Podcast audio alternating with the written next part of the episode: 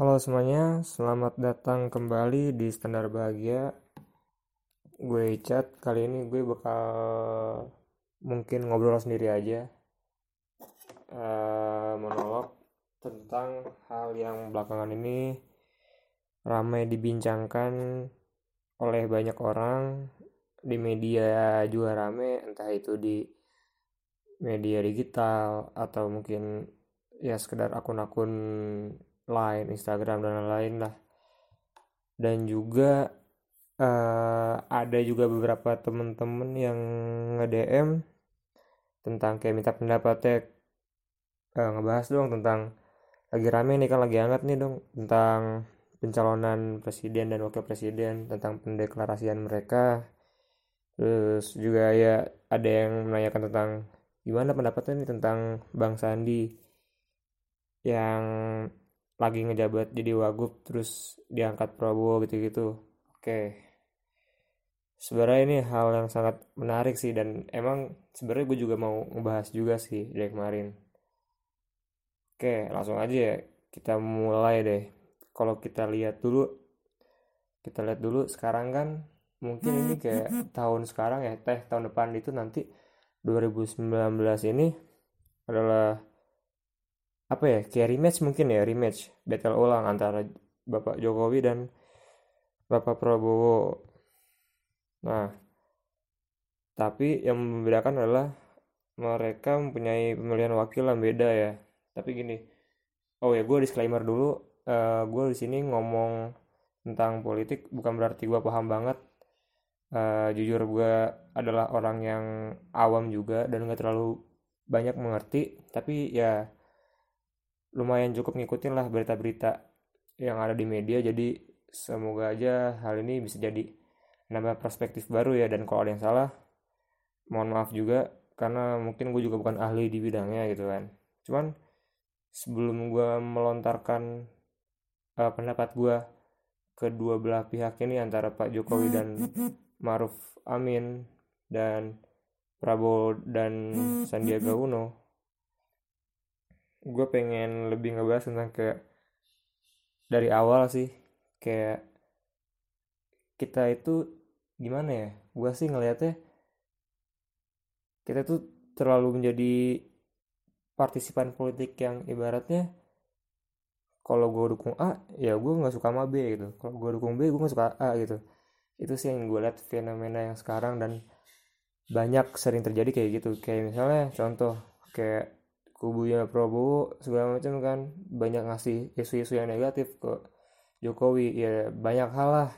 Dan nanti bakal dijabarin lagi kayak sebaliknya gitu kan. Jokowi juga kubunya kayak anti banget dengan Pak Prabowo. Dan ya yang beserta di bawahnya lah. Pokoknya kubunya Prabowo gitu kan. Sebenarnya kalau kita sadarin gini nih. Misalnya gini.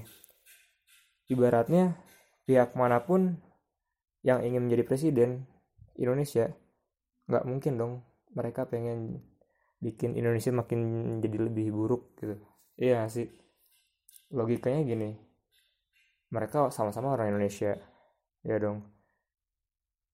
Ya sama-sama lahir di Indonesia. Tapi kenapa bisa muncul kayak ibaratnya oh awas kalau yang pilih yang A ntar ini Indonesia jadi gini gini gitu itu sih yang kayak gue agak bingung karena sebenarnya tujuan utama kedua belah pihak ini sama sebenarnya ingin mewujudkan Indonesia yang eh, apa ya yang berdaulat lah. Indonesia yang lebih baik lagi dari sebelumnya. Pasti dong. Ya sih? Dan ya orang tuh terlalu ngelihat kayak eh gue milih si A gue milih si B. Tapi dia nggak melihat apa visi dan misi yang ditawarkan gitu loh. Jadi kayak kita ibaratnya sekarang pemilihan ini adalah milih kebanyakan ya kebanyakan ya. Nggak bukan bukan maksud untuk mengeneralisir orang tapi banyak yang memilih karena lihat orangnya gitu. Bukan karena apa ide yang dia tawarkan. Dan sebenarnya yang jadi masalah bukanlah pihak mana pihak mana yang menang pihak mana yang kalah bukan itu. Tapi lebih ke apa yang sebenarnya masalah yang ada di Indonesia gitu.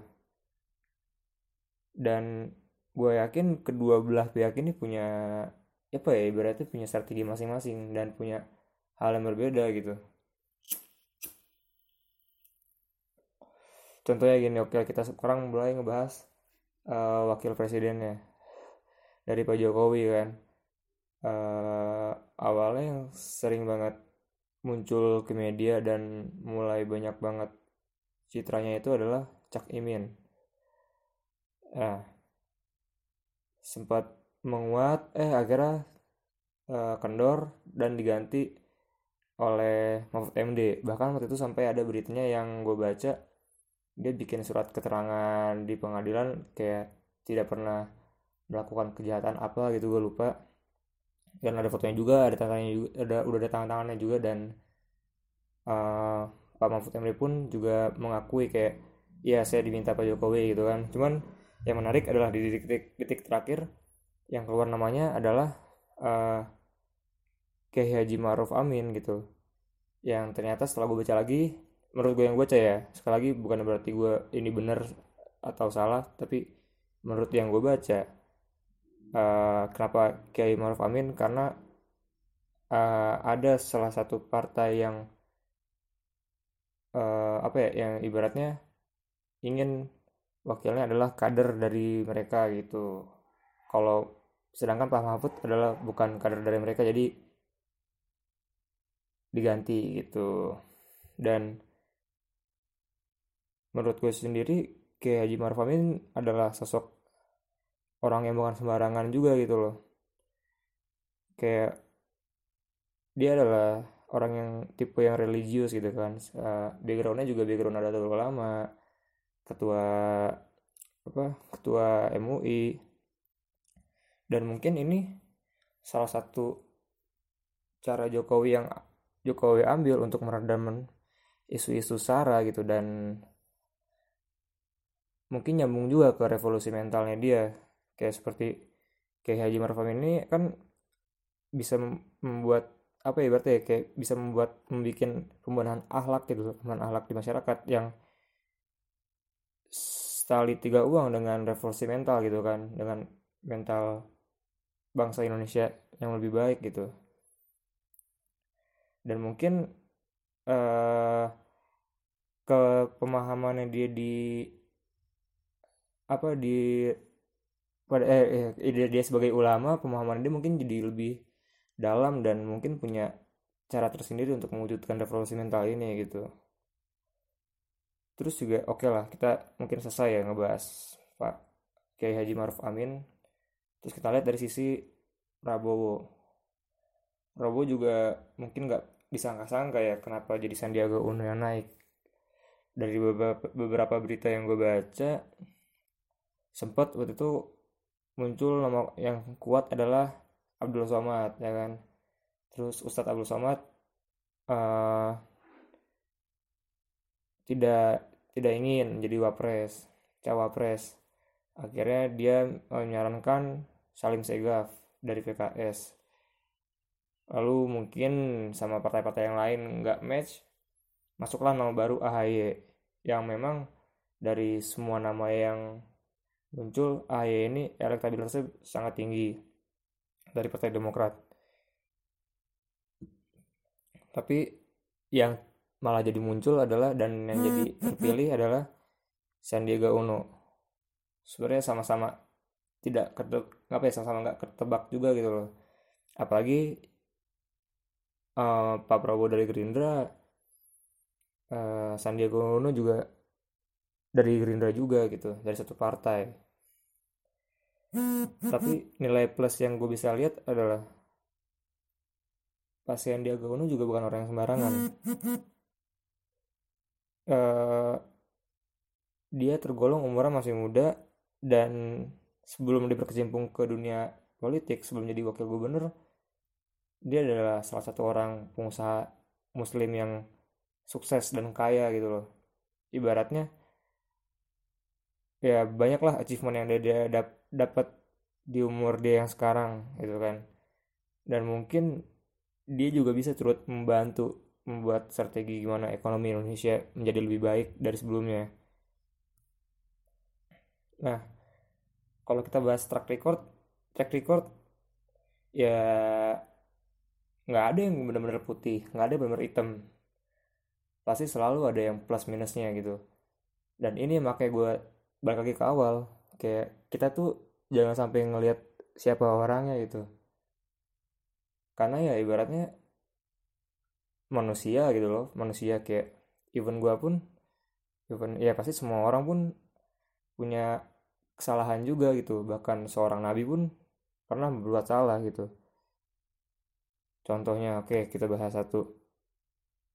Dari plusnya dulu. Selama Jokowi Pak Jokowi memerintah. Pembangunan infrastruktur di Indonesia tuh udah bagus banget lah. Sampai mungkin dari daerah terpencil kayak kemarin yang gue tahu bikin jalan Trans Papua terus yang bikin berapa puluh bendungan terus apa uh, tenaga apa itu yang angin itu? Ya itulah bikin kincir angin banyak gitu kan dan banyak sih ya pembangunan jalan tol juga banyak gitu kan.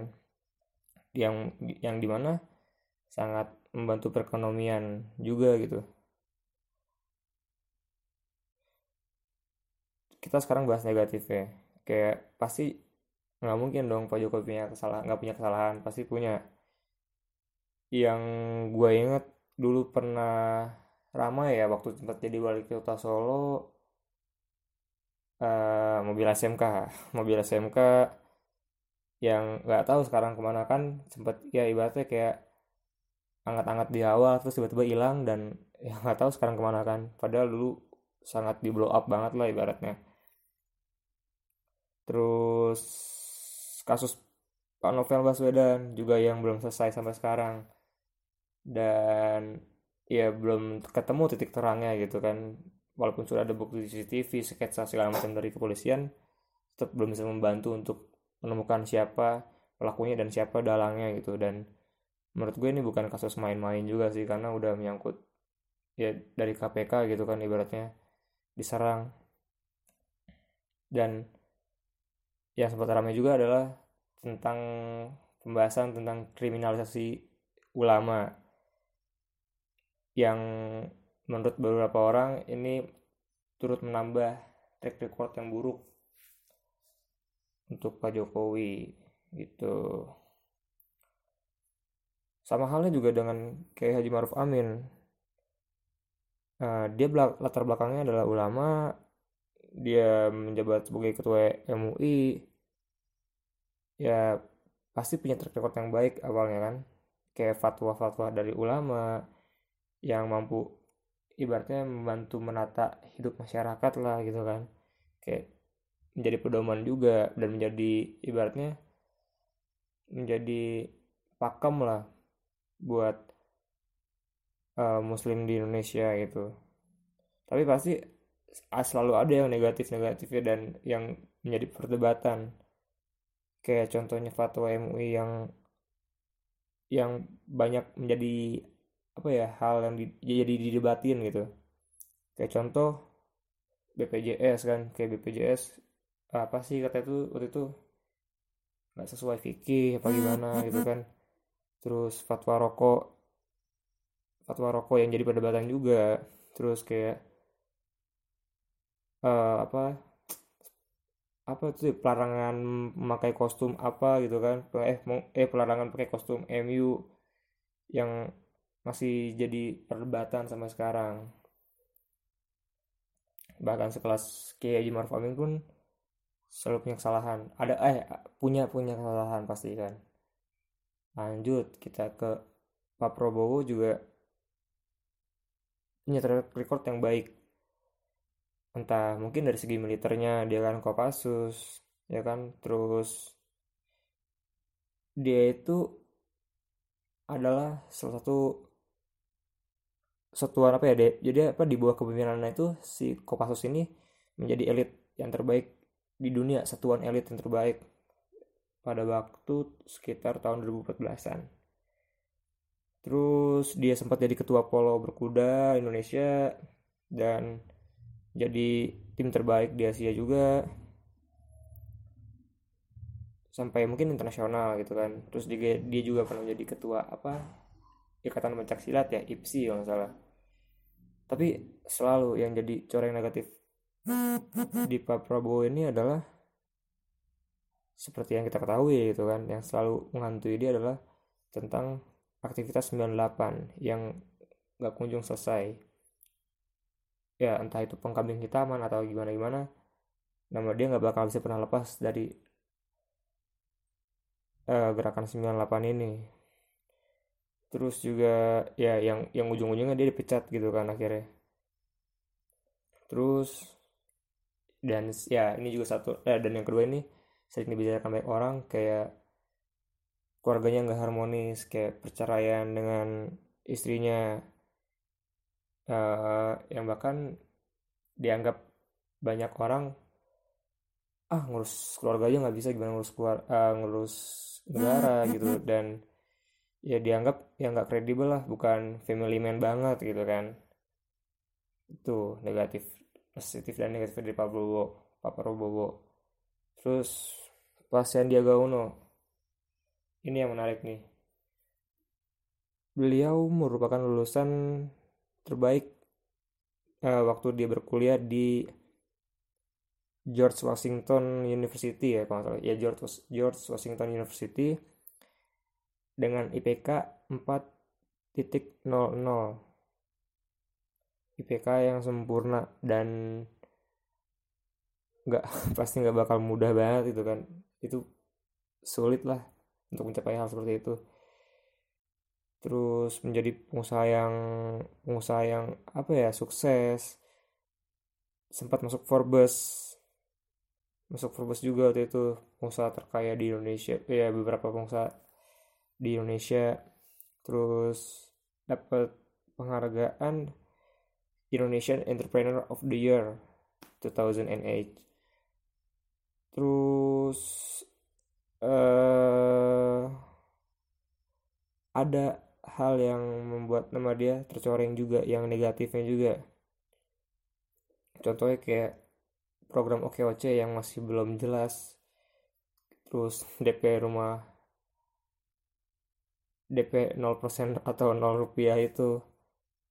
Terus Tanah Abang yang malah kembali ke posisi semula yang awal udah rapi jadi berantakan lagi gitu kan. Nah cukup sih menurut gua. Jadi kayak itulah kita lihat tadi kan kita udah ngupas plus minusnya dari calon presiden cawapres dari kubunya Pak Prabowo dari kubunya Pak Jokowi semuanya selalu mempunyai nilai positif dan negatif dan ya itulah manusia gitu. Kembali kepada hakikat manusia kita nggak bakal bisa ngelakuin semua hal yang baik terus negatif terus ya enggak dong ya kan? Pasti ada ada hal yang dilakukan itu dengan baik dan kadang kita pun melakukan kesalahan gitu tapi dengan kita singkirkan dulu uh, plus minusnya mereka dari kedua belah pihak ini pada intinya mereka berdua uh, maju dalam pencalonan ini pasti mempunyai niat yang baik untuk Indonesia. Nggak mungkin dong kayak uh, orang Indonesia sendiri nyalonin presiden terus kepilih terus mau bikin Indonesia jadi lebih jelek gitu. Nggak nggak mungkin. Dan nggak iya maksudnya nggak mungkin lah. Masa iya sih kayak tempat negara lu tinggal terus mau bikin lu lu pengen jadi presiden buat bikin negara lu jadi lebih jelek lagi. Nggak make sense banget gitu kan. Dan ya gue harap uh, kita bisa mulai mengurangi lah kayak frekuensi frekuensi nyerang-nyerang secara personal gitu loh. Karena buat apa gitu buat apa kita kita uh, selalu mencari-cari kesalahan karena semua orang punya kesalahan gitu. Lebih baik mending kita kita diskusikan uh, apa kebijakan yang bakal mereka ambil. Kita kita adu uh, pemikirannya mana yang lebih baik mana yang lebih bagus gitu. Karena kita kalau kita fokusnya ke ke siapa orangnya ke ke calon-calonnya. Itu malah membuat malah jadi buat perpecahan gitu loh. Membuat perpecahan kayak saling fitnah saling adu domba. Dan ya ujung-ujungnya siapa siapa pun yang menang sampai jadi sama aja bohong. Kalau kita pemikirannya masih kayak ah kalau gue nggak terima kalau ini yang kalah gue nggak terima kalau yang ini menang gini gini gitu gitulah pokoknya. Dan menurut gue itu udah cukup sih. Soalnya ya bukan hal yang penting lagi gitu siapa pun yang menang ya kenapa nggak kita doain buat menjadi manusia lebih baik lagi? Daripada kita menggerutu terus kita cari kesalahan yang nanti udah kepilih ya nggak sih? Mumpung masih lama 2019 kan. Itu ya mungkin sekian sih uh, podcast untuk episode kali ini ya mohon maaf kalau ada kekurangan dan data yang nggak match gitu kan.